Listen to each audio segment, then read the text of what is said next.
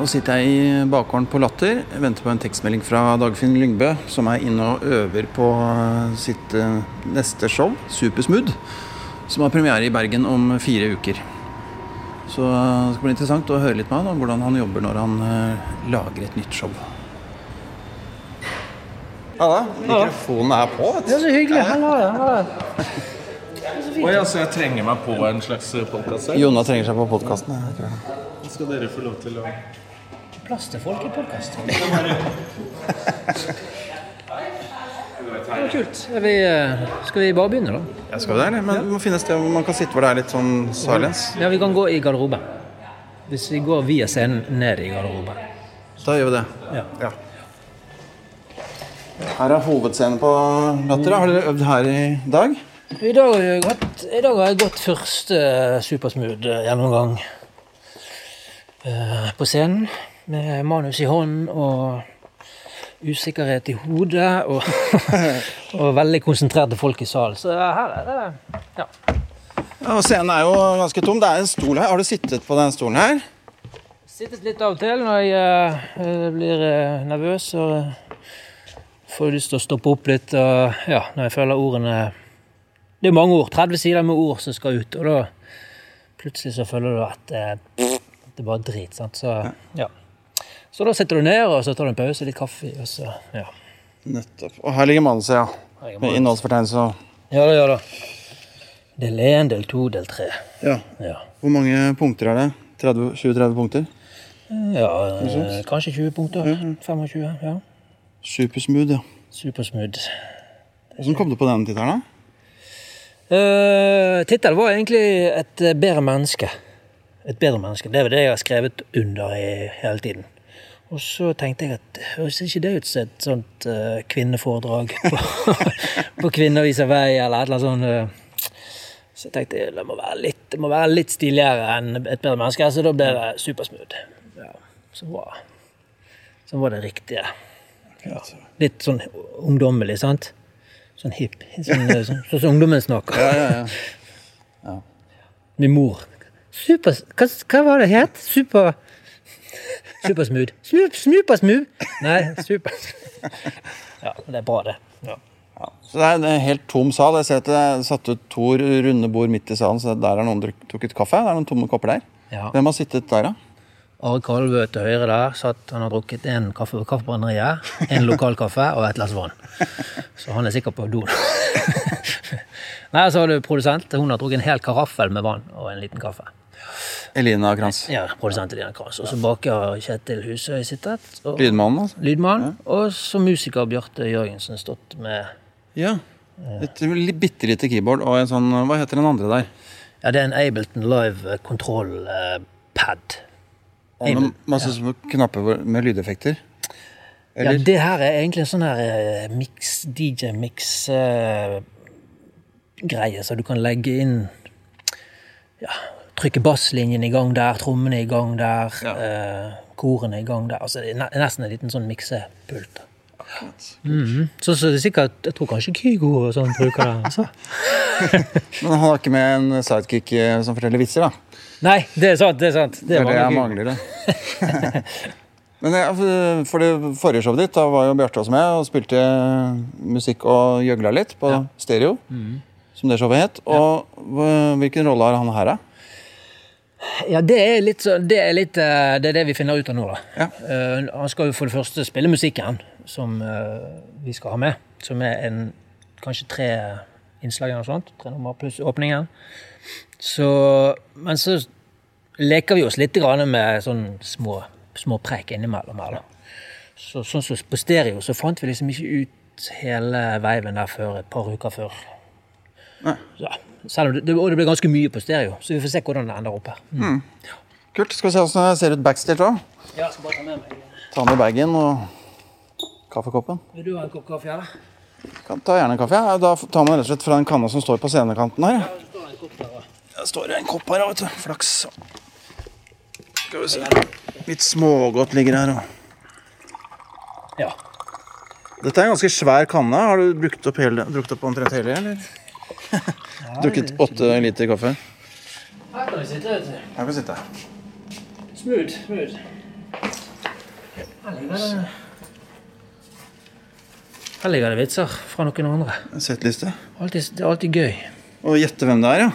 Ja, det, dette er en konferansier sin settliste som har introdusert Henrik Bjørnson, Scott Capurro, Sofie Frøysa og Jonas Bergland. Og så har han snakket om Lotto, Tor Strømøy, barne-TV, Urgent gjenkjent på Kiwi.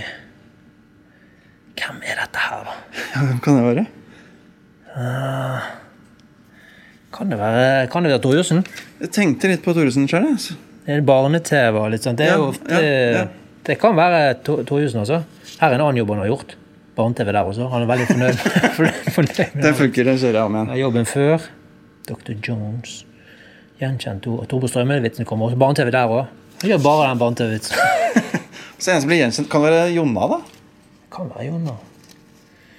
Her er settlisten fra Veidekke. Han har gjort en jobb for Veidekke. Komiker fra Østlandet var et tema. Er en bergenskomiker, da, kanskje? Komikere fra Østlandet. Dere lærer ikke Ja, Flybuss Bergen. Dette må være Vidar Holmekvam eller noe sånt. Rett og slett det der, ja. Ja, det er ikke Kristoffer. Her introduserer han Nei, der står jaggu meg Vidar Holmekvam. Som en av de som blir er introdusert. introdusert. Det er ikke Vidar Holmekvam, og det er ikke Roar Brekke, og det er ikke Kristoffer Schjelderup. Alle de har vært komikere på en liste, show her. På en liste her. Ja. Ok, Kan det være Grim Moberg, da? Det kan være Grim Moberg. Snakker du om at han blir gjenkjent? Ukjent, gjenkjent. Ja, Ja, kanskje. ja, kan være. kan være. Grim Moberg. Lasse Gruber. En som er mye konferansier, i hvert fall. Veldig mye konferansier. Jeg lurer på om jaggu meg det er Grim Berg, altså. Åndenes makt. Åndenes makt, påskeferie, Brannteksten. brannteksten. Det er en bergenser. Say no Helt- more. Ja, det er helt klart en, brand, en eh, bergenser. Nei, vet ja, da, Grim Berg, mitt beste tips. Ja, jeg har ikke noe bedre. Vi går for den. Halvor. Halvor? Det er Halvor sin bok. Halvor Halvor sin Johansson sin bok. Amazing idiotic ideas. Ja. Ja vel. Det der var kryptisk, i hvert fall. Dette er backstage på Latter. ja. Her har vel du vært noen ganger, men du sitter kanskje i det rommet ved siden av. Der kunne ikke vi sitte, for der var det sånn susing fra en aircondition-sak. Ja, her har jeg vært noen ganger. Men jeg har vært her og Sitter av og til her òg. Kan ikke du beskrive backstagen for de som lurer på hvordan det ser ut på en sånn standup backstage på eksempel på Latter? Ja, den her på Latter er jo ganske bra. Her er det jo sånne lys med sånne pærer rundt, sånn som du På, rundt speilene, Ja, sånn som du Sånn som du tenker at det er bak på et teater. Ja. Så er det sånn her. Og så er det en liten sånn sminkeplass for de som sminker seg, og så er det en kjøleskap. Akkurat nå var det ingenting i det. Hva er det du pleier å ha backstage, du, da? Nei, Stort sett bare kaffe og vann og cola. Og så kanskje noe frukt og nøtter. Ja. Eh, før var det jo mest sånn kokain og Nei, men det er ikke så mye av den drikkingen. Var, før så gikk det noen øl, husker jeg. Ja. I gamle dager. ja. Men Åssen er det nå, når du spiller mange forestillinger og er på turné og sånn?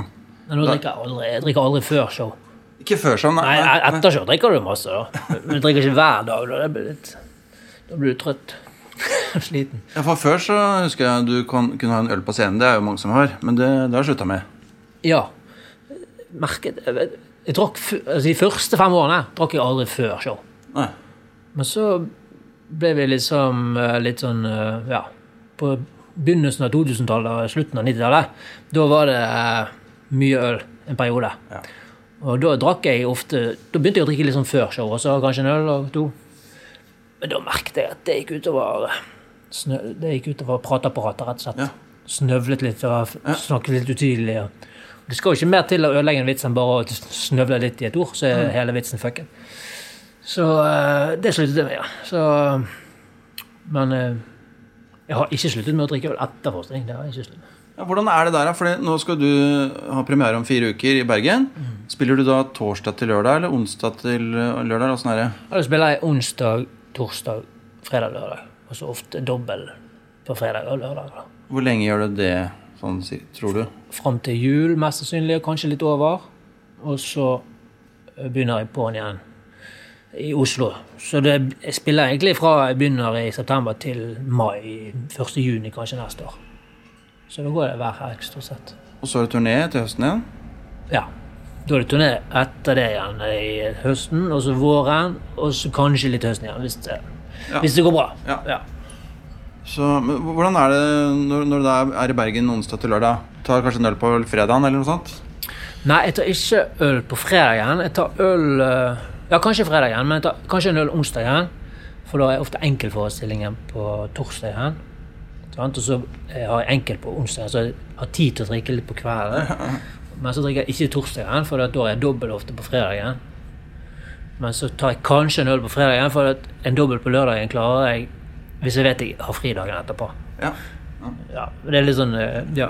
Kalkulering, altså. Du altså. må kalkulere drikkeforbruk. Hvordan ligger du an nå?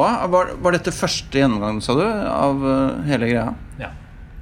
Dette var første gjennomtråkling. Det var veldig tråklete, da. Så jeg brukte liksom hele dagen på å gå gjennom først del én, og så tok jeg en liten pause og snakket litt om den. Og så del to. Så, så, så i morgen så skal jeg ha en sånn der jeg snakker alt igjennom uten stopp, kan du si, da. Ja. Ja. Men eh, Ja, ja. Hvordan gikk det i dag, da? du tror det gikk bra.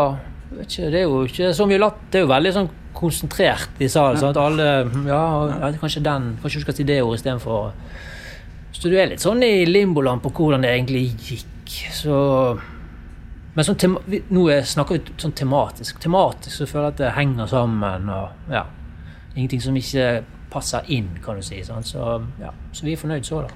Ja. Hvor mye materiale har du nå? Nei, sånn cirka i timet i dag så har jeg en og en halv time cirka. 1,25 kanskje, eller noe sånt. Og, så, og det skal ligge på Jeg ligger på totalt 1,15 eller sånt når på, på premieren med publikum i salen. og Ja, Ja, litt ja. sånn. Ja. Du har i hvert fall uh, mer enn nok. ja, jeg tror det. Jeg tror det. Fordi nå skal du først, skal du først og fremst Eller hva blir prosessen videre nå? Ja, nå er prosessen at eh, prøver i morgen, og så er det pugge teksten sånn at jeg kan den til mandag. Og så er det prøver mandag til onsdag torsdag, og så er det prøveforestilling på fredag om en uke. Og Latter? Ja. Klubbscenen? Nei, det vet jeg ikke om det blir eh, Jeg vet ikke om det blir hovedscenen eller klubbscenen. Ja, Det spiller ikke rolle, men eh, Men jeg vet Jeg tror ikke vi går opp scenen heller, så jeg tror det blir sånn, helt sånn tørt. Teksten i fokus, kan du si. Ja, ja. ja. For det, det er en rigg som skal på plass òg? Ja, en svær rigg som skal på plass. Og den er så svær at vi får ikke bygd den i Oslo før vi drar til Bergen. Så vi må bygge den i Bergen. Så ja, det er sånn lyd og skjermer og lys og greier, så Skal det vises noe filmklipp og sånt, eller? Ja, film eller grafikk skal det vises. Ikke så mye film eh, Ja, litt film, men eh, ikke som vi viser video, men som vi viser noen stiliserte Ja. grafiske elementer. Da. Ja. Ja. Og tematisk eh, så er Supermød bedre menneske. Hva, hvordan vil du beskrive tematikken? Uh, nei, det er det at du hele tiden sammenligner deg med alt mulig. For jeg, tenkte på det da jeg var liten. Jeg skal bare finne min tyggis. Når jeg, når jeg var Når jeg var ung, så var det, var det liksom eh, Jeg husker det var litt sånn fokus på 501-bukse og Millet-jakke, eller hva det nå var. sånn. Og så var det litt fokus på at de som skulle bli lege, måtte ha gode karakterer. og og de som skulle bli fotballproff, skulle Men det var ikke sånn det var ikke så voldsomt fokus på det å være flink og prestere på alle mulige slags eh, Men i, i dag, i samfunnet i dag så er det så ekstremt altså Hvis du sykler, så skal du sykle så enormt langt, og du skal sykle Birken og du skal, Samme hvis du løper, så skal du løpe så jævla langt og løpe så fort. og og hvis du drikker kaffe, så skal du drikke ordentlig kaffe. Du skal drikke skikkelig fin kaffe. Og hvis du skal slappe av, så skal du slappe av på riktig måte. Du skal liksom huske å meditere ordentlig, ellers ikke er det å slappe av. Altså, alt skal gjøres så perfekt og hele tiden og bli så jævla bra, liksom. Så jeg tenker det må være stress for de som vokser opp nå. Hvis de, hvis de tror at listen ligger der på alle tingene de gjør, så eh, blir det stress. Og man skulle tro at det er det som er supersmooth. da, Å kunne meditere og kunne løpe så og så langt på så og så kort tid. Og, og ha de riktige klærne og reise på de riktige stedene og drikke den riktige kaffen. og sånt, det er det som er supersmooth. Men så er det egentlig Supersmooth er egentlig å bare gi blaffen i alt det der, da. Ja. Ok. Bedre menneske er å, å fri seg fra alle disse forventningene. Aha, sånn, ja. Du skal liksom sitte med en feelgood-følelse på at herregud, det er ikke så galt. Ja. Hvis, hvis, du var, hvis du tok trappen i dag istedenfor å ta heisen, så skal du være fornøyd med det. Skal ikke føle at du burde løpt deg en tur i tillegg. Eller? Ja. Men du, satte ikke du premieredatoen ganske tidlig? Når var det du egentlig satte premieredatoen for det showet her nå? Ja, det er veldig lenge siden. Det, er, det satt jeg egentlig når jeg var ferdig med stereo. Når jeg holdt på med stereo, egentlig. Før du var ferdig med det, var det ikke det? Ja. Mm. Er det for å hva, eller hva er grunnen til at du setter den datoen før du er ferdig med det forrige showet? Det var litt fordi at jeg Altså, litt av grunnen er for at jeg er nødt til å booke scenene. Ja. Så for, for sånn som på stereo, så var jeg litt Jeg var ikke sein, men jeg var såpass sein at jeg ikke fikk spilt meg ferdig i Bergen. Oh, ja. Uh, fordi det gikk så bra. Så jeg måtte liksom eh, tilbake igjen to år etterpå og komme med stereo tilbake igjen til Bergen. Så det ville jeg unngå denne gangen. Derfor booket jeg scenen veldig tidlig og satt premieredaten veldig tidlig. Og så er det rett og slett fordi jeg skal ha en grunn til å jobbe. da. For Hvis jeg ikke har noe deadline, så jobber jeg ikke på en måte. Nei. Så, men idet jeg vet at ok, jeg har premiere den og den datoen, så, så begynner jeg å skrive. Ok, Så hvor tidlig begynte du å skrive etter at du var ferdig med stereo på det, på det showet her? Jeg begynte egentlig Jeg hadde egentlig begynt å skrive før jeg var ferdig med stereo. Aha. Men det er fordi at du, når du reiser rundt med, reiser rundt med stereo, så har du ikke noe Du kommer jo på ting underveis sant? så du ikke har noe sted å gjøre av. For du kan ikke putte det inn i stereo, for dette passer ikke helt. Og, og da lagde jeg et dokument som allerede den gang het 'Et bedre menneske'. da. Så da eh, Så, så du fikk ideen til temaet egentlig før du hadde begynt å skrives med det? Ja, ja.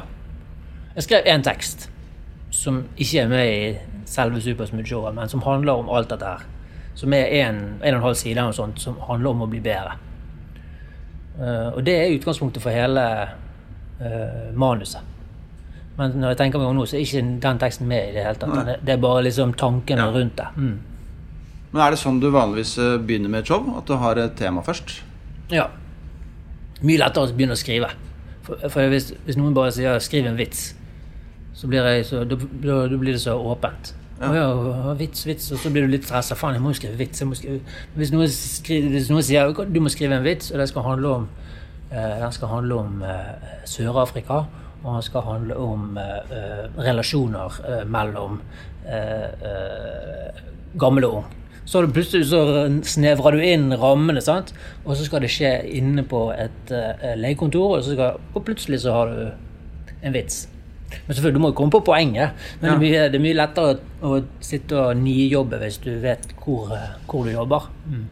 Hvordan jobber du med å finne fram til den tematikken? da? Ja, det er litt sånn eh, Det, det er litt mer sånn følelsesbasert. Litt mer eh, Sånn som den Et bedre menneske-tematikken. Det, det var mer sånn hjertesukk som jeg skrev. Som er ganske sånn Ikke så veldig morsomt, men mer sånn seriøst. eh, kunne nesten vært en sånn kronikk. eh, sant? Komikerkronikk? Ja, ja, ja. Uh, og så ser jeg på den, og så finner jeg essensen i teksten. Og så Ok, det kan jeg For det, ofte så begynner jeg å skrive seriøst, og så drar jeg digresjoner ut av det som er vits, vitsete, og så tar jeg vekk det seriøse. Men så på en måte ligger essensen under vitsen som, en, ja, som et teppe, da. Ja. Som ikke er så veldig sånn uttalt, men som ligger der. Ja. Og så testa du det ut på et eller annet tidspunkt, men hvordan har du gjort det? Noen komikere tester jo ut mens de gjør andre jobber og putter inn noe nytt innimellom, men du gjorde jo kanskje i utgangspunktet ikke noen jobber. Men, men du testa det ut Var det første gang på en festival i Ålesund? Ja. Er det riktig? Ja, det stemmer. stemmer. Ja, det var sånn eh, Det var den eh, eh, festivalen oppe der Hva heter den festivalen? Heter den bare standup-festival i Ålesund? Ja. Noe sånt. ja, men det var Henrik og de som var Henrik Over og Bjørnson og André Ulvesæter, ja, som driver der oppe? Ja, ja. Og de spurte om jeg ville komme opp eh, og gjøre noe der for lenge siden. Men så Jeg har ikke lyst til å gjøre noe når jeg ikke har noe helt nytt. Så jeg sa til Henrik en gang at hvis jeg har noe nytt, kan jeg, bare, kan jeg komme og gjøre det. Uh, hvis jeg kommer, selv om dere ikke vet at jeg kommer, får jeg lov å underholde? Ja, det får jeg lov til. Og så klarte jeg å skrive 10-15 minutter. Klarte å pugge det. Og så reiste jeg til Ålesund og så ringte til Henrik når jeg var der. Er det sant? Ja. Og han, var, han fikk panikken, for jeg tror han var på do når jeg ringte. Han var Hallo? Og så, Hei, det er Dagfinn. Og så bare la han på. Jeg hørte det var sånn klang, sånn doklang i dag. og så ringte han opp igjen. Så husker du at jeg spurte om jeg kunne komme opp og um, gjøre noe hvis du Ja, ja. ja er jeg. Kan du komme på i kveld? Og sånt. Ja, da fikk jeg lov til det. Det var jo kjempegøy, da. Ja, det var det første gang du testa ut, ikke sant? 10-15 minutter, helt nytt. Ja. Det, hvordan gikk det? Ja? Ja, det gikk ganske bra. Det gikk, det gikk veldig bra, faktisk. Eh, Da, men jeg hadde jo pugget det godt. Da, Ja. da hadde litt sånn ustandup-komisk eh, å gjøre det, men jeg pugget det nesten som et teatermanus. Ja. Jeg pugde, pugde, og så jeg kunne liksom alle vitsene. Og, ja. Så og det var litt av bakgrunnen til at det gikk ganske bra. Ja. Det var ikke noe nøling eller noe som helst. Eh, Ja. Men Sa du akkurat sånn ordrett sånn som, du, sånn som du huska det, eller? Ja, så å si. Så å si. Så det, er- det, er, ikke- så ofte at jeg er så forberedt som jeg var da. Nei. Men det da, det, da var jeg skikkelig forberedt. Og helt ordrett. Og der slutta jeg. Og sånn. Men ofte når man tester nytt materiale, så funker kanskje halvparten eller noe sånt, og så resten ikke. Men her funka ganske mye av det, har jeg inntrykk av. Jeg snakka med noen som, som bare så på det. Ja. Hvordan, øh, hvordan gikk du fram for å lage et materiale som var såpass bra uten å teste det såpass mye? 15 minutter er ganske mye Ja, det er ganske, nytt ganske til å være nytt. Ja. Nei, jeg vet ikke. Det var jo det at jeg hadde nifilt på disse poengene, da. Ja.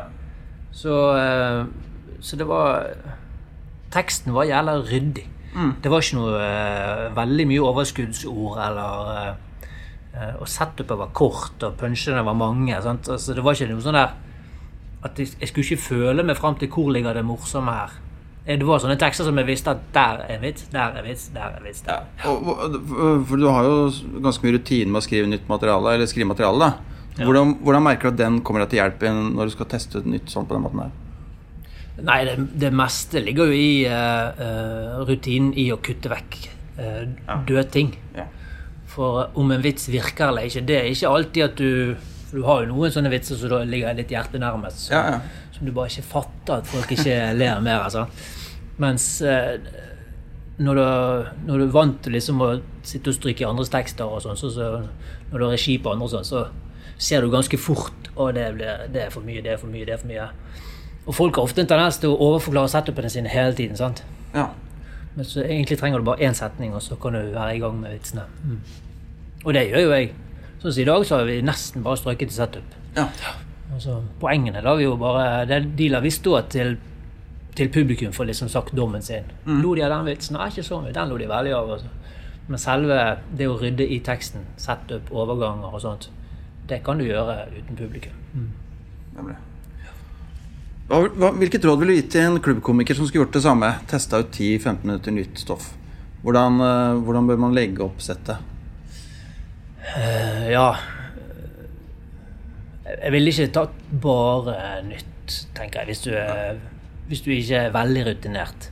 Jeg tror kanskje jeg ville seifet med en, en trygg åpning som du er vant til. å uh, hvordan bør den, hva, hva bør den åpningen eh, bestå av? på en måte? Nei, den bør bestå av uh, det, det tradde. Uh, grunnen til at du har en åpning på en standup-scene, er jo fordi at folk bruker gjerne et lite minutt på å bli vant til deg. Både hvordan du ser ut, hvordan du høres ut. Og så har en veldig spesiell dialekt. altså, de er nødt til å bli vant til å høre stemmene litt. Så Ja. egentlig så er den første vitsen mer en sånn der eh, ta og føle på-sekvens. Eh, og noen har jo sånne veldig åpenbare vitser. Hvis, hvis de er eh, veldig høye eller veldig så, så tar de den vitsen som er veldig tydelig. Ja, jeg eh, Ja, det kommer ikke på noe Ja, gode ja, eksempler. jeg er så høy, ja. Jeg er ser så høy at jeg ja, klarer ja. ja. Så det er ofte det lureste for da tar du det første folk tenker i de ser deg eller hører deg, og så gjør du en vits på det. Sant? Men som oftest er det rett og slett bare å Du kan også bare prate med folk uten Mm. å være morsom. For det viktige er ikke den morsomme vitsen, det viktige er at de blir vant til deg, og at de eh, liker deg. Sant? Ja. For hvis, de, hvis du har altfor spiss stemme og så bare begynner du å preike uten å kommentere det, så forstyrrer det litt. Grann? Mm. Men hvordan har du funnet din stemme og din tilnærming til eh, denne jobben her? Um, Ja, du jobba jo mye ganske tidlig, da. Ja. Og du vet eh, mye av den der eh, karak altså, karakteren som jeg har på scenen, som er litt sånn stressa oppjaget og kanskje rister litt eh, og sånt. Ja. Det er rett og slett bare et ønske om å få ut vitsene på en god måte og Effektiv måte? effektiv måte, og så holde på folks oppmerksomhet, rett og slett. Aha, okay. ja. Så, og det, sånn sett så har egentlig karakteren skapt seg, skapt seg av nerver, kan du si. da. Ja. Ja. Og så har det bare blitt sånn. At det det er sånn jeg gjør det, på en måte. Ja. Men det var litt mer av det før, var det ikke det? Jeg føler jeg har blitt litt roligere. Ja. Men det er rett og slett mer fordi at jeg skal prøve å ikke være så forutsigbar, da. At jeg prøver å roe Variere litt. Variere litt av stemmen. Ja, ja, Og, ja. Men uh, hvordan har humoren din forandra seg synes du, siden den gangen? Nå gjør, nå gjør du spiller for veldig mange mennesker og gjør relativt folkelige ting. Ja. Uh, har du gjort det hele veien, eller har det forandra seg?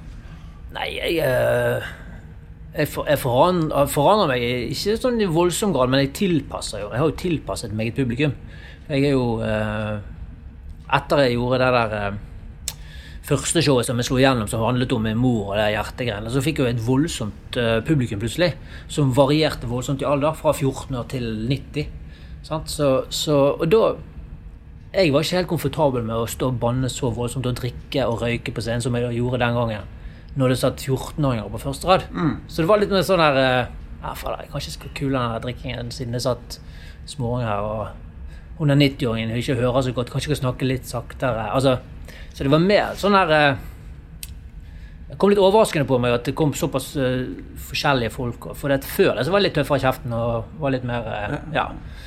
Så jeg vet ikke, jeg tilpasset meg litt mer publikum da enn Det var ikke for å bli likt, men de, de kom plutselig og så på. Ja. Ja. Men er det temaer du tenker at det skal ikke jeg snakke om, eller jeg vil helst snakke om sånne ting, eller gjøre noen sånne vurderinger? Nei, jeg, jeg ser jo at uh, det er noen som tar opp temaer som jeg aldri ville snakket om, men det, det, det er ikke noe jeg vurderer i den forstand. For jeg, jeg skriver bare det som jeg er opptatt av. Altså, jeg tar ikke noen vurdering. Nå skal jeg liksom skrive om det fordi det er viktig. Jeg, jeg eh, ja, jeg bare skriver det hodet fullt av. Og eh, fram til nå så har ikke de kommet med sånne voldsomme uh, drøye temaer som uh, Ja.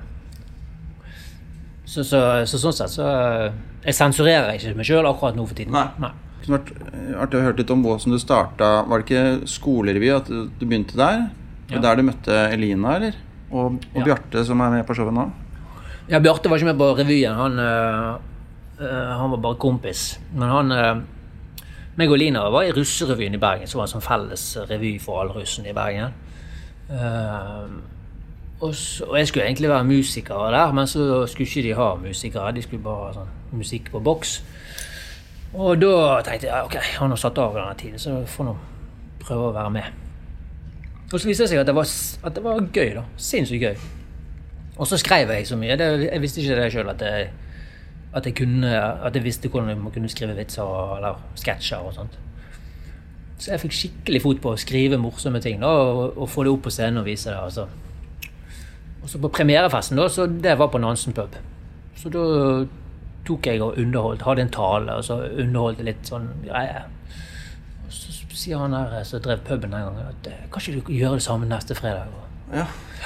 så det gjorde jeg eh, til veldig mye mindre suksess, da. For da var det sånn eh, Det var dykkerklubben som hadde sånn eh, klubb hver fredag. Så da satt det fem dyk dykkere, og de hører jo ingenting. og Dotter i ørene og tett nese.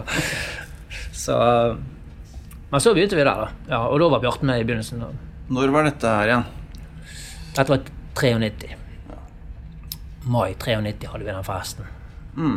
Og så eh, utover litt par ut på sommeren der, og på høsten 93 uh, jo begynte vi så smått på Nansen. Og så holdt vi på til 96. eller noe sånt der. Tre år. Og hva skjedde videre? Eller forresten, hvor er det Nansen pub ligger? Kan du bare plassere det? Ja, det ligger på Bryggen i Bergen. Rett etter Peppes i, Ja. i andre etasje der. Nå er det kanskje noe annet. Det er en Med, restaurant eller noe sånt. Var i hvert fall en stund. det var i hvert fall en liten brun pub. Bitte liten brun pub med plass til Hvis det var smikkfullt, så var det kanskje 150 eller noe sånt. Men da var det packed. Ja. Ja. Og betalingen var Nei, betalingen var gratis øl eh, i, i begynnelsen, og så sendte jeg rundt sånn tipsskål. så det fikk vi. da, Masse kronestykker. Ja da, så jeg tror kanskje, kanskje betalingen var et par hundre spenn eller sånt i begynnelsen. Ja. Ja. Men så ble det jo bedre etter hvert, da. Ja. Men Elina jobba der også, gjorde hun ikke det? ja, hun jobbet der. eh, Hun jobbet først i oppvasken her, og så tok hun over stedet etter hvert. Nettopp. Og da eh, Det var da vi liksom begynte å formalisere litt. Det var da vi fikk litt lønn, og plutselig så kom det masse folk. Og, ja.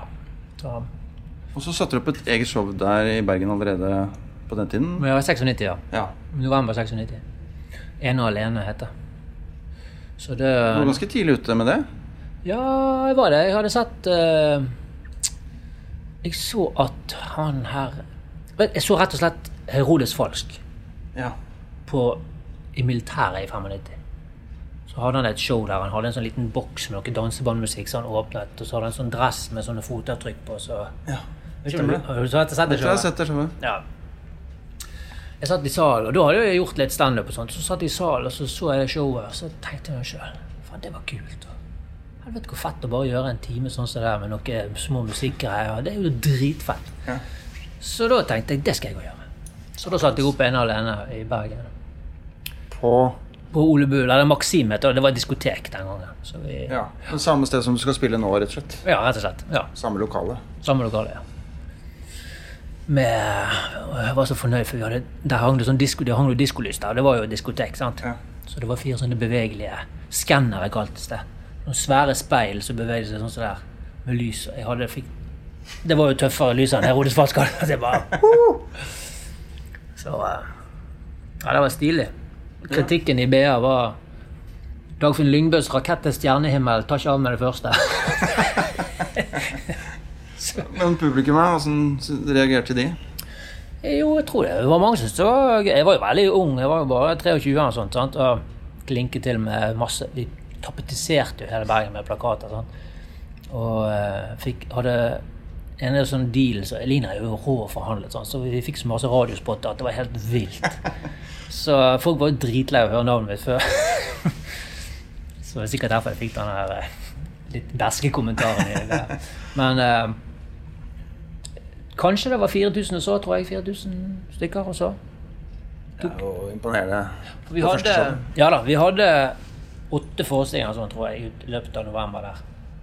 Og så var det plass til 500 i salen eller noe sånt. Og eh, det var stort sett fullt hver gang. Alle var jo ikke betalende, selvsagt. Eh, Vi hadde jo mye inviterte. Ja. Ja. Så det var jo Ja, men så, så dro du til Oslo etter hvert altså? Ja. Ja, for jeg ble jo kjent med uh, Med disse her uh, reiste komikerklubbfolka. Ja, for det rare er at de begynte omtrent samtidig. Var ikke det også 93 at de begynte? Ja, de begynte samtidig i Oslo. Så kom de til Bergen, husker jeg, for de hadde en sånn her eh, eh, de- De reiste rundt på turné og hadde sånn konkurranse, standup-konkurranse. Ja. Der de kåret liksom en vinner. Og. Så jeg var rett og slett på Sakken i Bergen på sånn standup-konkurranse. Der Jonny og Maja og Jonny Christiansen fra mm. og, og, og Jon Skau og Maja Løvland og Rigmor Alt. Galtunga hadde litt sånn konkurranse. da. Og sto du på scenen, eller? Ja da, jeg var med i konkurransen. Ja, ja. Åssen gikk det? Nei, jeg tapte. Jeg kom ikke videre. Husker du hvem som vant? Ja, jeg husker hvem som vant. Han heter uh, Tommy Sulen. Han er, han er sånn der bergensk uh, revyartist. da. Ja. Ja. Og, han var jo mye mer dreven enn meg, sånn sett, på sånne revygreier. da, men eh, ja. Det var han som vant. Han vant et cruise til Danmark. Etter han som ja. Og så fikk han komme til Oslo, ja. Det fikk han. Han fikk komme til Oslo og stå på Christian Kvart eller noe sånt. ja. Åssen var ditt møte med miljøet i Oslo? da? Du, det var kjempebra, det. Ja. Første møte var jo akkurat den der konkurransen der som jeg ikke, som jeg ikke vant. da. Ja. Men så eh, ble jo jeg kjent med Med Jo, jeg flyttet til Stavanger, det var det jeg gjorde. Så jeg ble kjent med Hans Morten og Hans Petter Jørgensen. Hans Morten Hansen? Hans Morten. Hansen og disse her, ja. Og hele Stavanger. Og så, og så startet vi jo Eller så ble jeg formann i Standup Comedy Club Stavanger. Søks, som det het den gangen. Ja. Og vi reiste jo litt sånn sammen til Oslo og eh, var på Christian Kvart sammen med og Dan, Nei, ikke Dan Turell den gangen, var det det? Ja. At RDK holdt til på Ja. hvor de holdt til, ja. Ja, Ja, Dan Turell var jo på den tiden, kanskje. ja, kanskje det var så tidlig. Ja, i hvert fall så øh, Og da ble jeg kjent med Jon Skau, blant annet, og, og Jonas Rønning og Jeg føler det var lett den gangen å, å komme i kontakt med miljøet. Det var ikke noe sånn der Der kommer de fra Stavanger eller Bergen. Eller. Det var, var god vibe. Og Jon var jo en kjempestjerne den gangen. Han hadde jo det der tøffere enn en som heter Arild eller, eller var det Fisk eller Mann? Et av de showene der. Jon Skau. Og Men vi eh, Hei, bare Jo. Men vi eh, hadde uh, Ja. God tone med alle komikerne der fra starten av. Så det var jeg, For meg så var det, det var en Hvis jeg tenker tilbake i dag, så var den gjengen en kjempegod gjeng. Og du er jo en av de eh, også, sant? Som, eh, som fremdeles har kontakt. Og, ja. Hvilke andre var det som holdt på i Oslo den gangen, eh, som du, hadde, som du kan komme på i farten? Jon eh, Skau, Jonas Rønning, Øyvind Loven, eh, Baste Bolstad. I sin tid Eh, Åslek Engmark. Eh, Trond Hansen. Atle Antonsen. eh, Thomas Gjertsen. Eh, ja. Eh, og så er det sikkert mange flere som ikke kommer på sånn i farten. Standup-sjangeren i Norge har utviklet seg litt siden den gangen, da. Mm. Hvordan, hvordan var, hvordan var standupen da, syns du? Sånn I forhold til nå? Ja, jeg vet eh, ofte så Det var jo altså i Oslo og uh, Det var jo hovedsakelig Oslo, det var standup hver uke. Så var det noe i Bergen på Nasen var det litt, grann, og så var det kanskje litt i Trondheim og i Stavanger. Men det var de samme folkene som reiste på de alle. Så, så hvis, hvis du reiser utenom de store byene, så var det jo på en måte standup istedenfor band.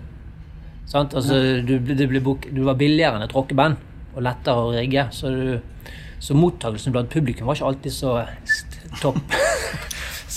Fordi du plaget folk. Sant? For de var vant til å sitte og høre på et eller annet uh, tullete band som skulle bare spille litt eh, bakgrunnsmusikk. Sant? Mens du kom der og skulle forvente oppmerksomhet.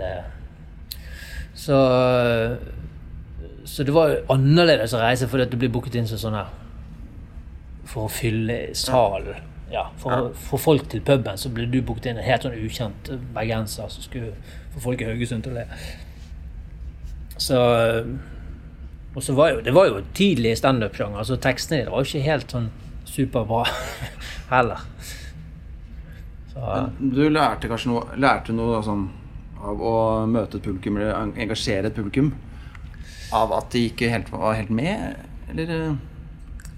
Jeg, Jeg jeg, er i stuss for om jeg lærte noe av det. altså. Det å få noen vise fingeren til deg og si at dra til helvete, er ikke så veldig lærerikt. altså. Det var, var Jeg det tror en egentlig jeg tror jeg, Ja, det, det sto jo det. I Haugesund sto, sto en fyr for Det var, jeg tror, tror kanskje det var syv stykker i salen da jeg skulle underholde der på Dix. Eller. Og de satt ganske langt borte. De satt kanskje tolv meter vekke fra scenen. Og så skulle han ene på do. Og det var midt i greiene. Da sto jeg jo liksom og Jeg måtte jo gjøre jobben hvis jeg skulle få pengene. sant? Så mens jeg skal gå på do, så stopper han bare for meg. Så står han og viser fingeren opp i fjeset. Da viser han sikkert eh, ja, kanskje han er en halvmeter fra fjeset mitt. Og der, han velger å stå sånn kanskje i et minutt Med fingeren. med fingeren oppi fjeset. Mens jeg eh, Ja, så hyggelig. Takk for at du tar så godt imot meg her i Haugesund. så det er masse sånne tøffe jobber. Så at hvis jeg lærte noe av det, så, så var det det at eh, ikke bare kom inn på et utested og begynne å gjøre standup. Annonser det litt tidligere på kvelden, og så får de som har lyst til å komme og se, de får komme og se. Som påtvunget standup er ikke så kjempesuksess. Så jeg tror og så tror jeg mest at publikum har lært mest. da. At eh, når det er noen som prøver å underholde med standup, så sitter de ned og hører etter. Ja.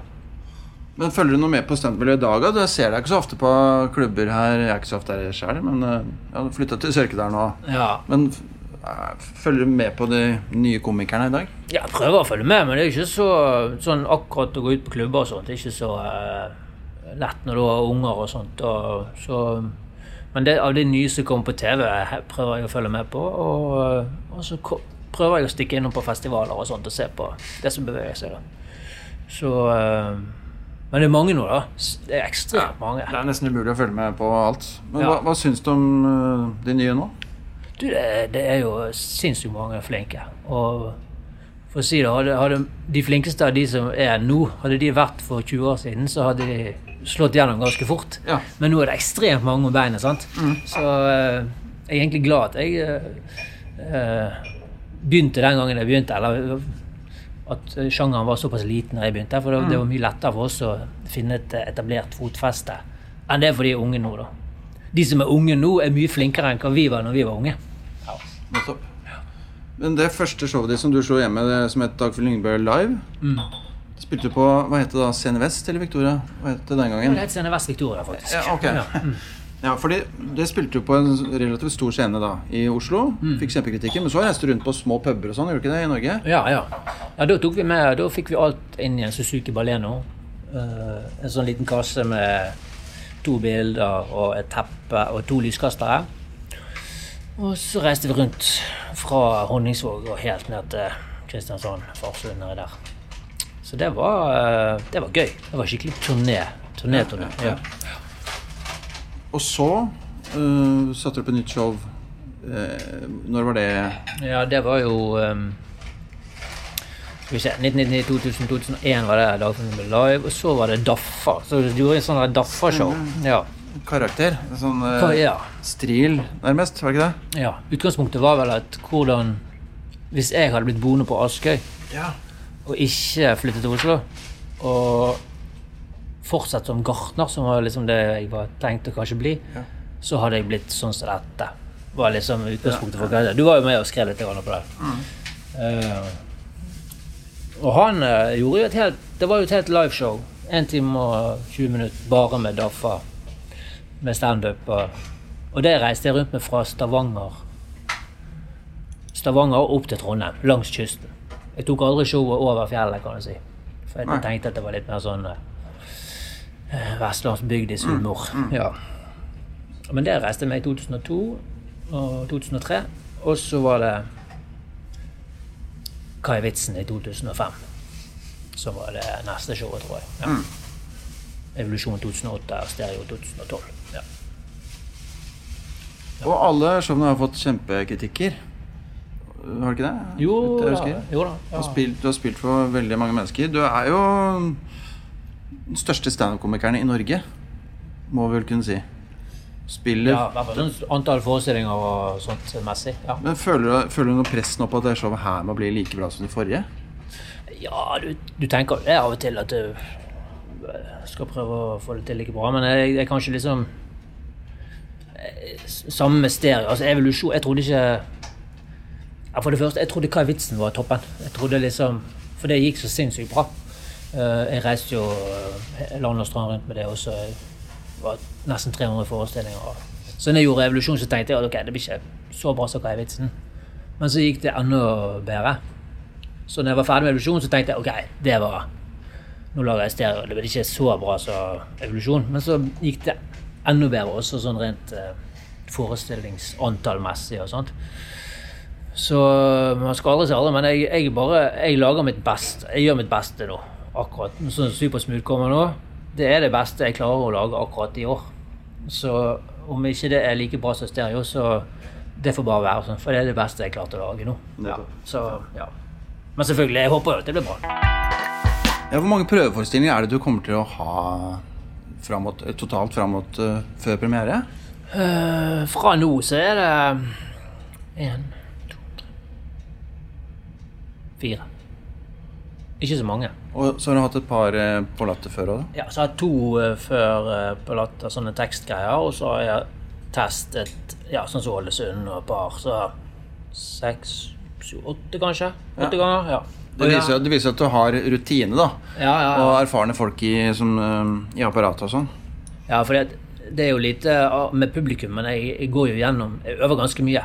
Jeg har begynt nå en måned før, og manuset er ganske klart. Og, så jeg har jo liksom allerede nå gått opp på scenen, og så øh, vanligvis så kunne jeg kanskje brukt en uke mindre, egentlig. Ja. Du, så Jeg vil ikke si det lite. Denne gangen øver jeg ganske mye. Altså. Mm. Når du skriver showet, hele det manuset du viste meg i stad, Ja. um, blir det til først og fremst gjennom skriving, eller at du går og tenker på det, at det blir til oppi hodet ditt? Nei, det er litt begge deler. Jeg, jeg kan eh, Jeg skriver ofte kanskje en times tid hver dag. Sånn rent skrivemessig. Skriver ikke mer enn det. Jeg, eh, men jeg, jeg eh, sitter og noterer litt små ideer og Sånn som på telefonen min så er det masse sånne små eh, biter som jeg noterer. Bare et ord eller Jeg tror jeg kan se om det står noe fra de siste fra de siste dager. Ofte er det sånne rare ting som jeg ikke Skal vi se Notater. Vi se. Ja. Her står det 'no fly list'. Sant? At du er på no fly-listen. Uh, og så står det 'I can't fly'. Det, var, en- det var en vits jeg tenkte på innen dagen. At det er litt gøy å stå på en sånn no fly-list. At det betyr at du ikke kan fly. Altså, jeg... uh... At du har gjort et eller annet kriminelt? Som du ikke nei du, kan, du kan ikke fly. Altså, jeg, for jeg er menneske. Jeg kan ikke fly. ja. En slags ordspill? eh? Nei, but- nei, for at eh, Jeg syns det var jævlig vittig sjøl. jeg står på no- fly-listen for jeg kan rett og slett ikke fly. Jeg, eh, ikke fordi jeg ikke får lov å gå på et uh, passasjerfly, Nei, men jeg nei. kan ikke fly. Ja, sånn, ja. Ja. Den no fly-listen, ja. Den Uh, Ja. ja. Og så um, Her er det også Ja, så er små sånne hverdagslige observasjoner, sånn som vi er hjemme. Her står det for Han minste min han er bare fire år, men han har begynt å lese bokstaver. Sånn, Så, og Han leser overalt. Han har fått helt dilla på det. Så, så tenkte jeg at eh, For det lå en avis og så satt han ved siden av. Det skjedde ikke, men jeg tenkte det kan like fort skje. At han leser sånn Heaven porno. Hva er hevn? ja, Nå skal du høre her. ja, nå skal du høre. Ja, det er masse Sjimpanser Jo, så skriver jeg ned sånne småting som syns det er gøy. sant? Sjimpanser, for eksempel, de bytter papaya mot sex. Som, akkurat Ah. som prostituerte. Ja.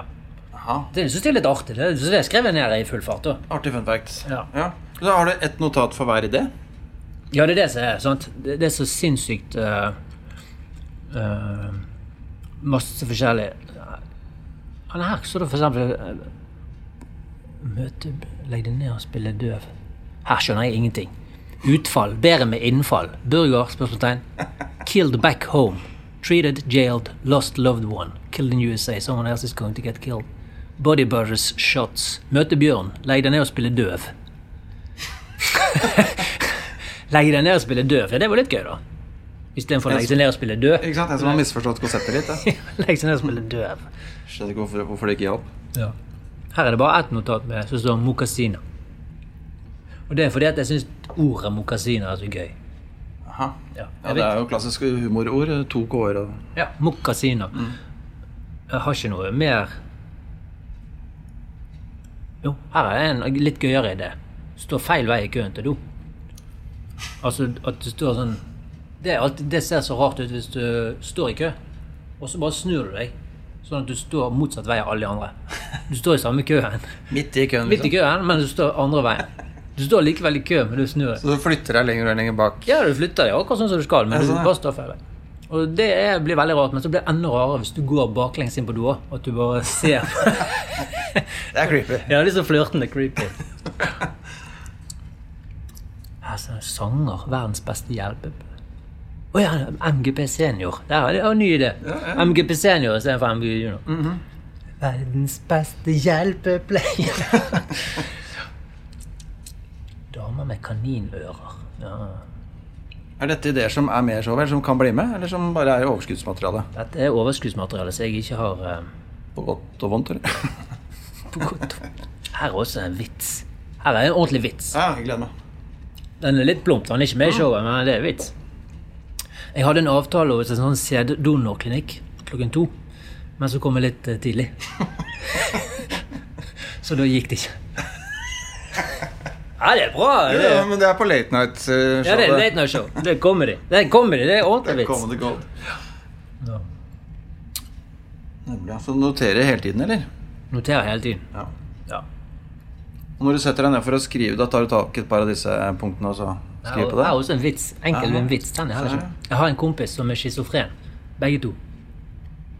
Det føler jeg at jeg har hørt før. Ja, det er en sånn klassisk Eller sånn vri på en sånn Vri på en sånn vits. Ja. Upersonlig kristen. Ja. Herregud, så mye rart. Depresjon, smarttelefon, pappa, nudler og speilegg. Ja, jeg husker jeg snakka med deg i påsken, og så spurte jeg om du hadde lest noen bøker i påsken. Krim, for f.eks. Og da sa du at nei, det har jeg ikke gjort, for hodet mitt er fullt, så jeg har ikke kapasitet til å lese. Ja, og det har ikke jeg gjort, eh, har ikke gjort i sommer heller. Jeg Har ikke lest bok siden jeg snakket med deg om det sist. Hove, hove, akkurat når jeg skal skrive og sånt, så bare Ja, jeg har ikke tid til å roe meg ned med bok, fordi at uh, eh, Da Jeg klarer ikke å fokusere, rett og slett. For det går sånne ideer hele tiden. Da. Ja. Du har jo vært så mye på turné. Eh, Du må jo da ha opplevd mye rart eh, backstage og andre steder? Eh, Kommer du på noen sånne ting i farten? Uh, ja, altså det er jo mye Akkurat sånn når du reiser alene og sånt, så er det jo litt sånn der uh, Skulle sett meg Satt der ute og drakk kaffe, så sølte jeg kaffe over hele meg. Men det var- det var de tidlige årene. Det var mest uh, moro, da. Uh, meg og Jon Skau hadde jo noen runder der som var litt uh, futt og fart i. Ja. Uh, Husker jeg var, på, jeg var i Trondheim en gang, og så kom du og Jon og spilte et show på Samfunnet. ja, Hva het det igjen, da? det tror jeg kanskje het et, et kult show. Var det? Ja, ja, det stemmer det. stemmer det. Husker jeg bare jeg merket at du hadde bedre mikrofonteknikk enn Jon. Ja, Ja, du- ja, ja, jeg husker du noterte jo sånne ting. Ja, den boka noterte ting. ja, ja, ja. Uh, jo, uh, så når du pratet, så hørte man så godt hva du sa. Ja, ja sant. Hva er teknikken her, da? Bare holde tett på munnen? Jeg har tett på Det er jo det er årelang trening da, med mikrofon. Ja. ja. Jeg kjøpte jo mitt første PA-anlegg når jeg var elleve 11 år gammel. Så Oh, gjorde du det? Ja, jeg gjorde det. Så jeg har, veldig, veldig lang erfaring med PA-anlegg. Nei, så er det, det er tett på, så er det ut og inn og Hvis du snakker høyt? Eller? Ja, skriking og dunking. Nei, men Da satt vi på mikrobryggeriet i Trondheim, og da var du og Jon og en hel gjeng andre Vi blitt kjørt dit i en buss. En fyr som kjørte rundt. Den der, der, ja. Vi ble jo hentet av den bussen som Hells Angels hadde. For vi kjente han Bjørn, så han kjørte den bussen av og til. Og han var med i klubben, eller? Han var med i klubben. Så det var, det var en annen kar som uh, hentet oss i den bussen. da. Så når vi kom på Værnes, så sto den Hells Angels-bussen uten, utenfor. Åh, ja, det var herlig. Så kjører, jeg- kjører han der sjåføren av gårde. da. Så sitter meg, det, er jo, det er jo bar og pub og alt mulig inni der. så vi begynte å drikke med en gang vi kom. sant? Og, og så sjåføren sitter og kjører, og til slutt så løfter han opp et sånt uh, balltre framme i Det her har vært fitta på ei dame fra Thailand. Akkurat! Oh, ja, ok. Dette var tidlig på morgenen. Det var jo sånn her Å oh, ja, ok, ok. Så flott. Så gøy. Det var en artig historie. Og så sier Jon og eh, «Jeg skal- Faen, jeg må pisse. Og så Ja, det er et rør eh, baki der. Så sto- gikk det et sånt rør ut av døren. Så du sto og piste bare nedi en sånn liten slange. Ah. Ja, den, dere, du var med i den bussen Ja, der. og den røret gikk rett ut. Uh... Røret gikk rett ut av døren, så du piste bare i fart. Stemmer det. stemmer det. Ja, Vi kjørte den bussen der til Det var som en slags russebuss. omtrent. Ja, det var en russebuss for, for viderekomne. Ja, ja, ja. ja, ja, ja. Så var det til mikrobryggeriet, og der var det en del folk som dere ikke kjente, tror jeg. Bare sånn folk som ble med på den bussen. Ja da, ja, det var Og dere spanderte øl på alle sammen, husker jeg. Det var veldig spandable. Det husker ikke jeg så godt, men ja, Det kan, kom sånne svære brett fulle med øl, og tenkte sånn De gutta her gjør det bra, altså. ja da. eh, Det var jo den tiden vi fikk kontantbetaling og sånn, så det, var Ja. det gikk jo eh, Det gikk jo fort inn og fort ut eh, den gangen. Mm. Så Nei da, akkurat sånne ølrunder Ikke alltid at jeg husker så godt. Men du har, du har spilt show, eller lagd show hele tiden med jevne mellom. Har du hatt det som plan hele tiden? Har det vært ambisiøs tanke på utviklingen av karrieren din? Hvordan den, skal utvikle seg? Nei, det, akkurat det med at jeg hele tiden, det er mer en sånn eh, for, for å stelle nervene, holdt jeg på å si. Jeg ble så sinnssykt stressa av å reise rundt som klubbkomiker, fordi at jeg visste aldri jeg visste aldri om uh, de i salen hadde hørt meg før, eller hadde de, faen, de sett dette før. Uh. Ja, sånn som vi leste gjennom den settlisten her i sted. Sant? Så, så Altså, hvis jeg gjør den teksten i dag òg Hadde jeg den forrige gang jeg var her, og så må du blå tilbake? Ja, faen, den hadde jeg, eller hadde jeg den? Jeg ble så stressa av de greiene der at det gikk på nervene løs, rett og slett. Så jeg, eh, når jeg satte opp det om showet om min mor, så skulle jeg egentlig slutte med standup. Egentlig. For jeg Ja. orket ikke mer å reise rundt og, og få panikken på om de har hørt det før, eller syns de det er teit. Eller.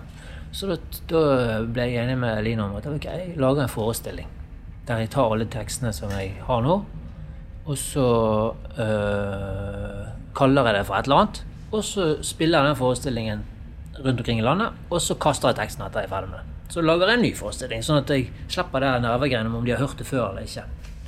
For da kan de som har eh, sett forestillingen, og hvis de har lyst til å se den en gang til, så er det deres valg å se teksten en gang til. Ja. Så, og ikke at jeg skal komme med gammel dritt om igjen. Ja. okay. Så det var egentlig bakgrunnen for at jeg skriver nye forestillinger hele tiden. Og ikke gjør så mye standup. Men uh, hvor lenge føler du at du kan gjøre det? Skrive nye forestillinger? Altså, hvor lenge kan du holde på?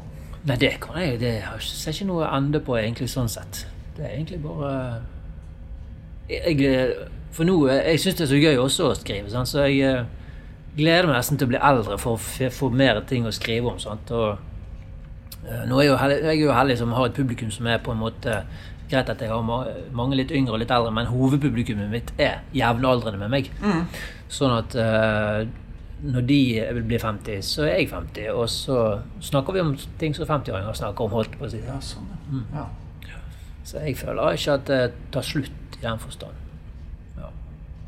Men er det noe, du, noe annet du har lyst til å gjøre med karrieren? da? Er- Har du noen sånne mål om at jeg må få gjort det og det innen den, den Ja, tiden? nei, det er eng- det, engelske standup-greiene som jeg, jeg jobber Ja. litt med. Mm. Ja, du har jo gjort eh, standup i utlandet noen ganger, da. Mm, mm. Ja, det, det begynte med i fjor, som på ordentlig. da. Jeg gjorde det jo i 96. Sant? For 20 år siden så gjorde jeg det i, England, i Newcastle. Newcastle Comedy Festival. Så da var det Da tenkte jeg det skal, det skal jeg gjøre. Gjøre litt standup på engelsk. da. Og så gikk det 20 år til jeg gjorde det. Så gjorde jeg London en uke, og så gjorde jeg Edinburgh i en helg. Og, så, og nå har jeg liksom et sett på en halvtime som jeg kan gjøre på engelsk, som funker ganske bra. Så det er drømmen å fortsette med det, da. Og reise litt rundt. Og, og så skulle jeg jo gjøre Estland, Latvia og et par andre steder der, men så ble minstemann sjuk, så da måtte jeg være hjemme. Så jeg har en drøm om å reise rundt i Europa, og så til slutt kanskje USA litt. Grann, og ikke noe sånn, Jeg skal ikke slå igjennom, altså, Vi skal bare reise og se litt av verden. Mm. Det er skummelt det. Um, hvis du skulle gitt et råd til en komiker som har lyst til å sette opp eh, et soloshow, hva skulle det vært? Hvordan gå frem? Ja, uh, for det første så er det viktig å Hvis du skal på en måte ha en uh, sjanse om å bli få pressen interessert, da, så er det lurt å spørre seg hva handler showet om. Og så Hvis du kan svare på det i løpet av en setning eller to, så er det kjempebra. For da Og, og så eh, eh, er det lurt å ha noen tanker rundt det. Sant? At du Sånn at du kan, når noen spør hvorfor skal jeg komme og se på det?' jo, fordi at det det handler om her, er at også kan fortelle litt om det. Det er veldig lurt. Og det gjør det også litt lettere å snakke og, og skrive også, sant? at du eh, Og så er det rett og slett uh, skrive, skrive, skrive, skrive. Skrive, skrive. Uh, og prøve. Ja. Så det er, ikke, det er egentlig bare beinhard jobbing og skriving, og så Ja. Og og så invitere masse venner. Få vennene som liker deg, og få de til å invitere. Ja. Bruk den positiviteten du klarer. Det er jo mange komikere som er en del eh, på TV, men det, det er ikke du. Du er ikke så mye på TV. Det Er en spesiell grunn til det? Nei, jeg var jo litt grann eh, Opp igjennom så har jeg vært litt grann, Men det som har vært viktig for meg, er å vær på TV når du Vær morsom på TV. Og så gjør ting som har med vitser å gjøre. Det har liksom vært mantraet. Og så um, gjorde vi ni av ti nordmenn på TV2 en par-tre sesonger. Og så siste jeg gjorde, var vel Big Bang med, med Anne Katt. Der det var sånn vitser. altså Jeg skulle komme med vitser, og så skulle de forskerne i panelet være seriøse. Uh, men så er det jeg, jeg blir så lei av meg sjøl på TV. Jeg, er, jeg føler ikke at jeg får det helt 100% til. Og jeg syns det Jeg orker ikke å se på det sjøl. Og hvis jeg går forbi og noen ser på det, så bare Å, herregud, nå må jeg, jeg må ut. så, så jeg blir litt lei av å se på meg sjøl og høre på meg sjøl. Så jeg tenker hvis, hvis jeg er lei av meg jeg som elsker meg så høyt, og egentlig har veldig sansen for meg, er lei av meg, så tenker jeg hva folk som ikke elsker meg så høyt, om at de er lei meg òg. Pluss at jeg syns at det, det, det, skal være litt eh, eksklusivt da, da. For hvis jeg skal leve i Nå har jeg holdt på i 20 år i bransjen. Hvis jeg skal leve i 10 år til eller 15 år til, så er det lurt å være litt eh, i bakgrunnen, tenker jeg. Mm. Istedenfor å være med på alt mulig hele tiden. Så Man ser deg litt i media generelt. Er det litt av samme grunn, eller? Ja, det er litt av samme grunn. Jeg har lyst til at folk skal Å uh, oh, ja, faen, det var han, ja. Han holder han på ennå? Altså, litt, litt, den følelsen, da. Og ikke bare Å, han igjen, jævla bergenser, skravlefyr, liksom. Så det er helt bevisst. Holde seg litt unna, og heller holde meg til scenetingene. Sant? For um, det også tenkte jeg på den gangen når Herodes uh, gjorde denne One-Man-forestillingen i militæret der. Så tenkte jeg at å ja, faen, Herodes far, for han har ikke sett på lenge. Nei. Han holder på ennå. Det var dritkult. Hvis, hadde, hvis jeg hadde liksom vært lei han allerede, så hadde det ikke vært så gøy å se han. Så uh, det at uh, å være vekke lenge, men så komme opp på scenen og så jeg tror, det, jeg tror det er bra. Jeg tror ja. det er bra. Jeg tror uh, selvfølgelig frykt, altså Faren er jo at folk glemmer det og ikke kommer på forestilling og sånt, men uh, foreløpig så, så ikke det tilfellet. Ja, fordi ja, som du sier, du kan være ganske lenge borte, og så klinker du til, og da kommer folk De går mann av huset. For du har ganske dedikert publikum. Ja. Men jeg har også inntrykk av at uh, det, er, det, er, liksom det at folk enten elsker deg eller så hater deg. på en måte Det er litt sånn, ja. er litt sånn, er ikke det? Eller kjenner du deg igjen i det?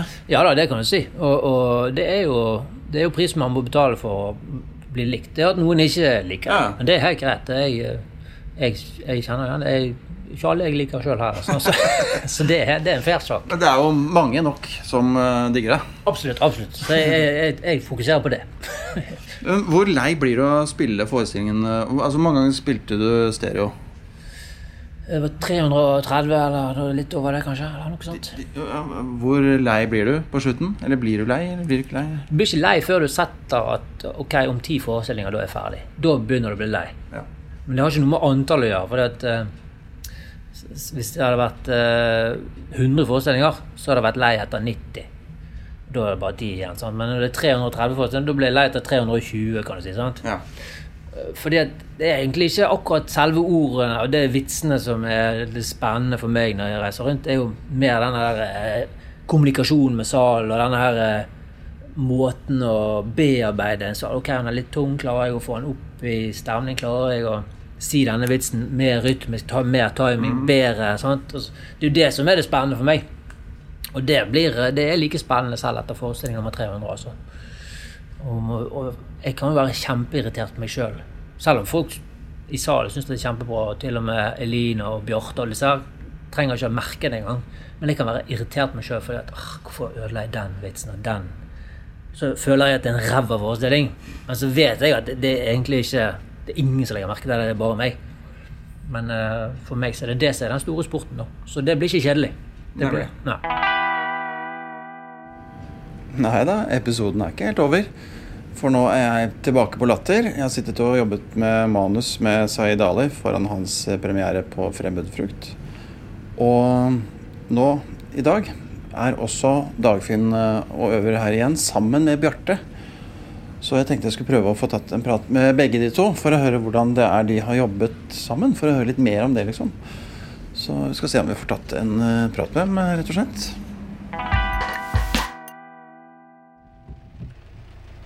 Jeg sendte melding til Dagfinn og fikk eh, melding tilbake. Og her står det 'Er på Kristiania Teater. Kom bort her'. Greit, da kjører jeg bort dit, jeg. Det er ikke verre enn det, altså. Nå hører du til og med tastingen til eh, Are Kalve i bakgrunnen. Ja, han, han skriver referat over alt vi sier. Ja. Hvilken rolle har uh, mister? Are Kalve? Ja. Nei, han er bare referent.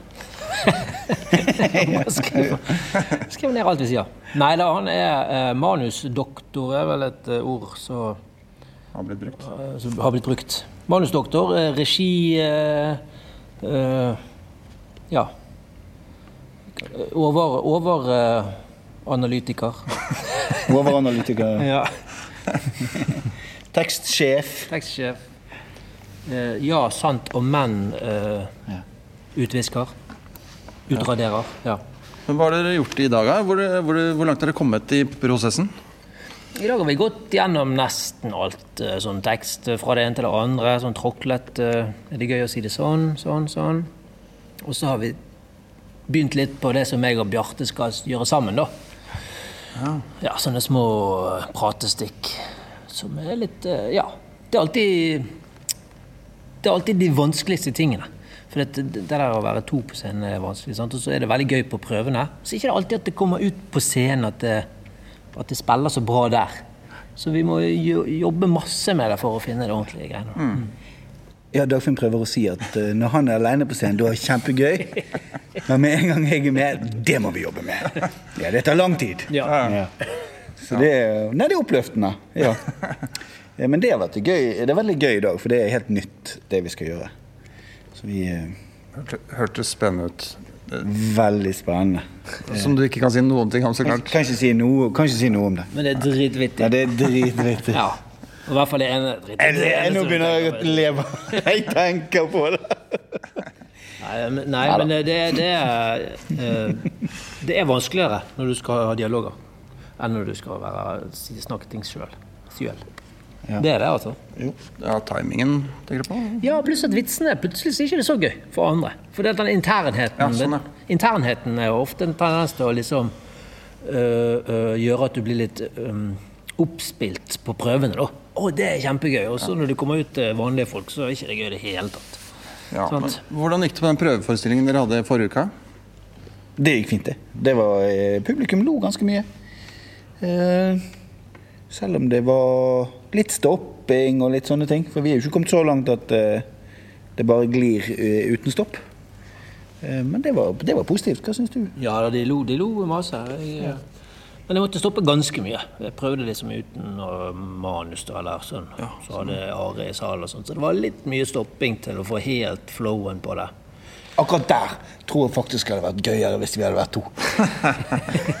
Ja, det er sant. Det er sant. Det er ikke for å skryte. Nei, nei, nei. Ja, men du, du sa at Første gang du testa ut materialet oppe i Ålesund, Ja. så kunne du alt uh, utenat. Så å si. Eller du hadde Ja. plugga. Det var mye kortere, da, men Ja. er det det du satser på nå også? Du kan det ordrett så langt det går? Jeg skal kunne det ordrett til premieren, ja. Til premieren, ja. ja.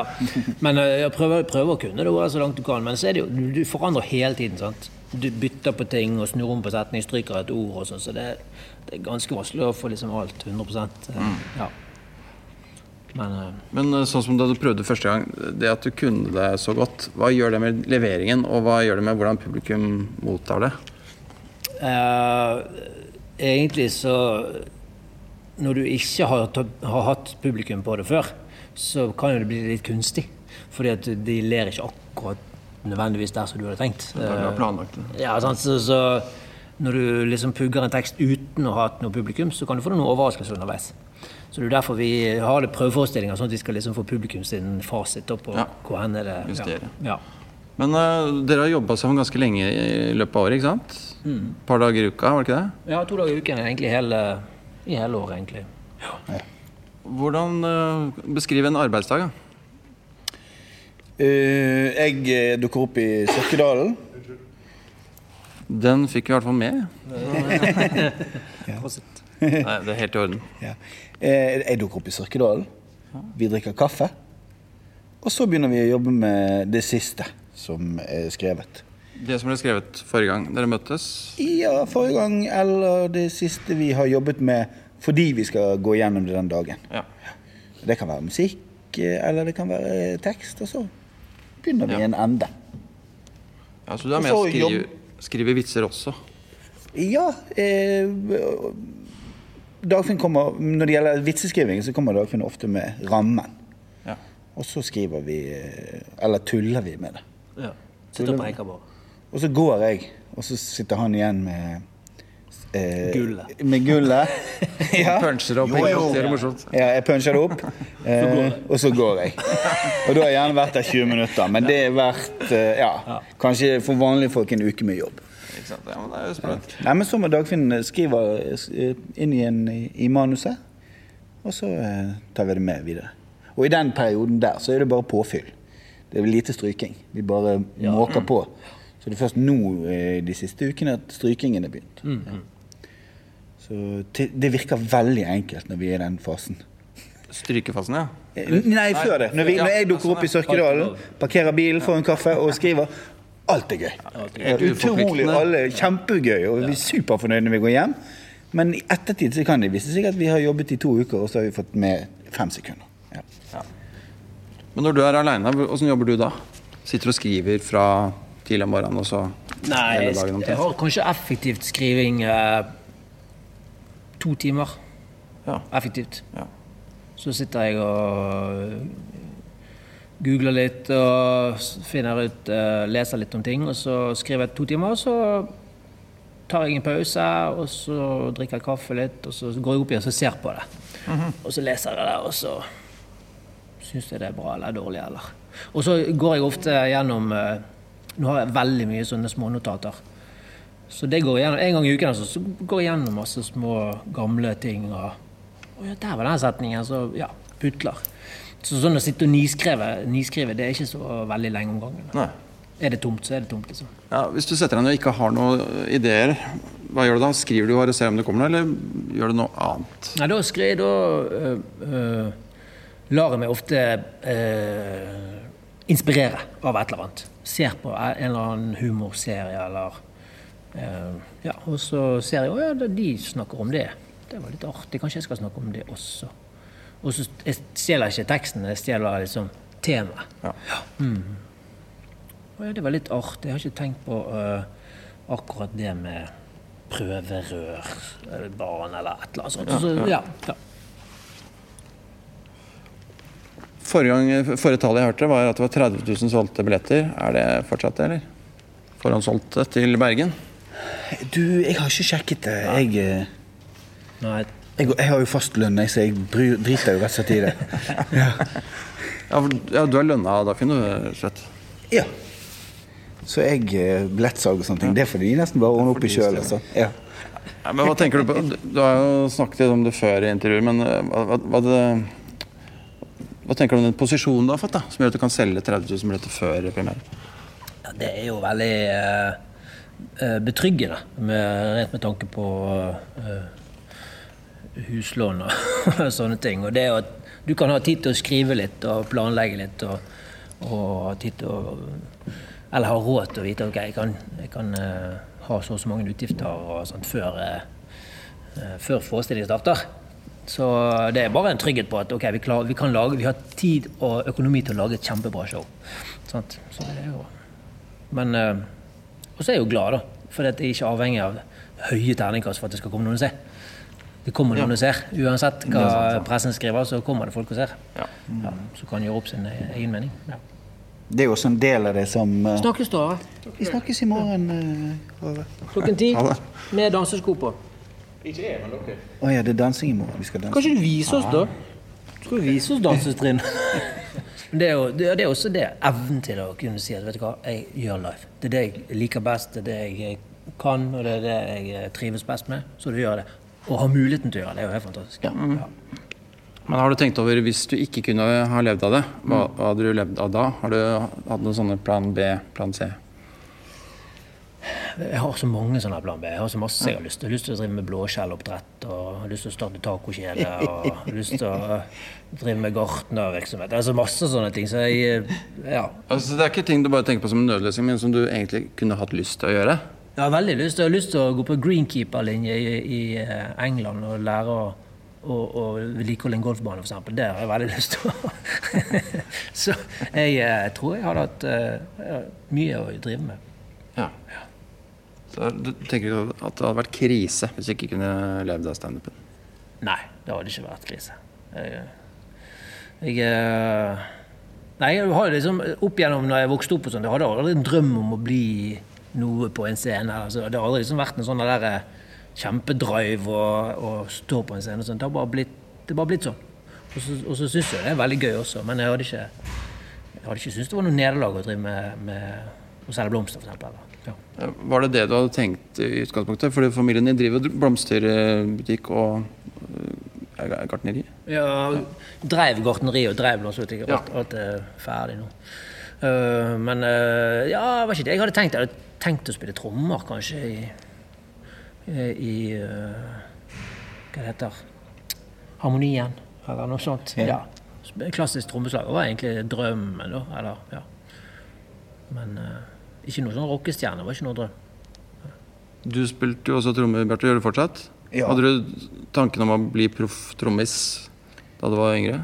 Ja, jeg var helt bevisst på det hele livet, egentlig. Ja. Bjarte er jo proff trommis, da. Det er jo det han Ja, men om det var planen fra starten av, liksom? Ja, ja jeg hadde to. Jeg hadde, når jeg var liten, så jeg var veldig bevisst på det. Enten skulle jeg bli eh, jagerflypilot, eller skulle jeg spille Gun og så videre? Ja, ja, ja. ja. Eller, og til og med før det. Eh, Eller så skulle jeg spille trommer. Og så viser det seg at jeg har ikke samsyn. Ah. Eh, så da tenkte jeg at eh, det er bare dritt i det der pilotgreien. Da går jeg for trommer. Ja. Har ikke samsyn, men jævla god rytmeforståelse. Bommer på trommene, men det er ikke noe treff etter bommer, bommer på trommene hele tiden. Men det er i takt. Men det er i takt. Ja. Ja. Taktfast bomming. Kjempebra. Ja. Men det med å være morsom sånn privat, på privaten, da. hvordan begynte det? For deg var det my mye humor i familien da du vokste opp? Ja da, det var jo eh, Det var sånn vanlig familiehumor, da. Sant? Eh, Pappavitser hele tiden. Og. og pappa var veldig glad i å lese høyt vitser, altså fra avisen. I Bergensavisen så var det en sånn vits Jans hjørne, tror jeg det het. Var ikke det het? Bjarte? Jo, det kan stemme. Ja. Der var det liksom eh, 15-20 vitser hver lørdag. De leste vi høyt og lo hele familien. Og mamma lo, og jeg lo.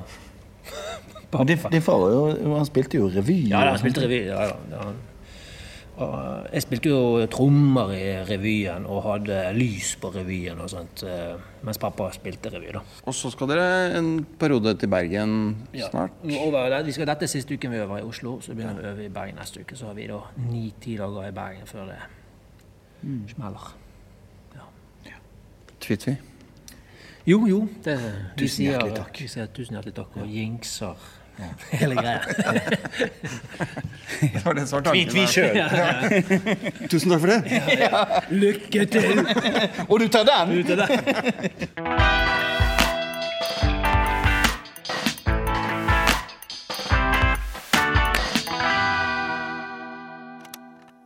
Produsert av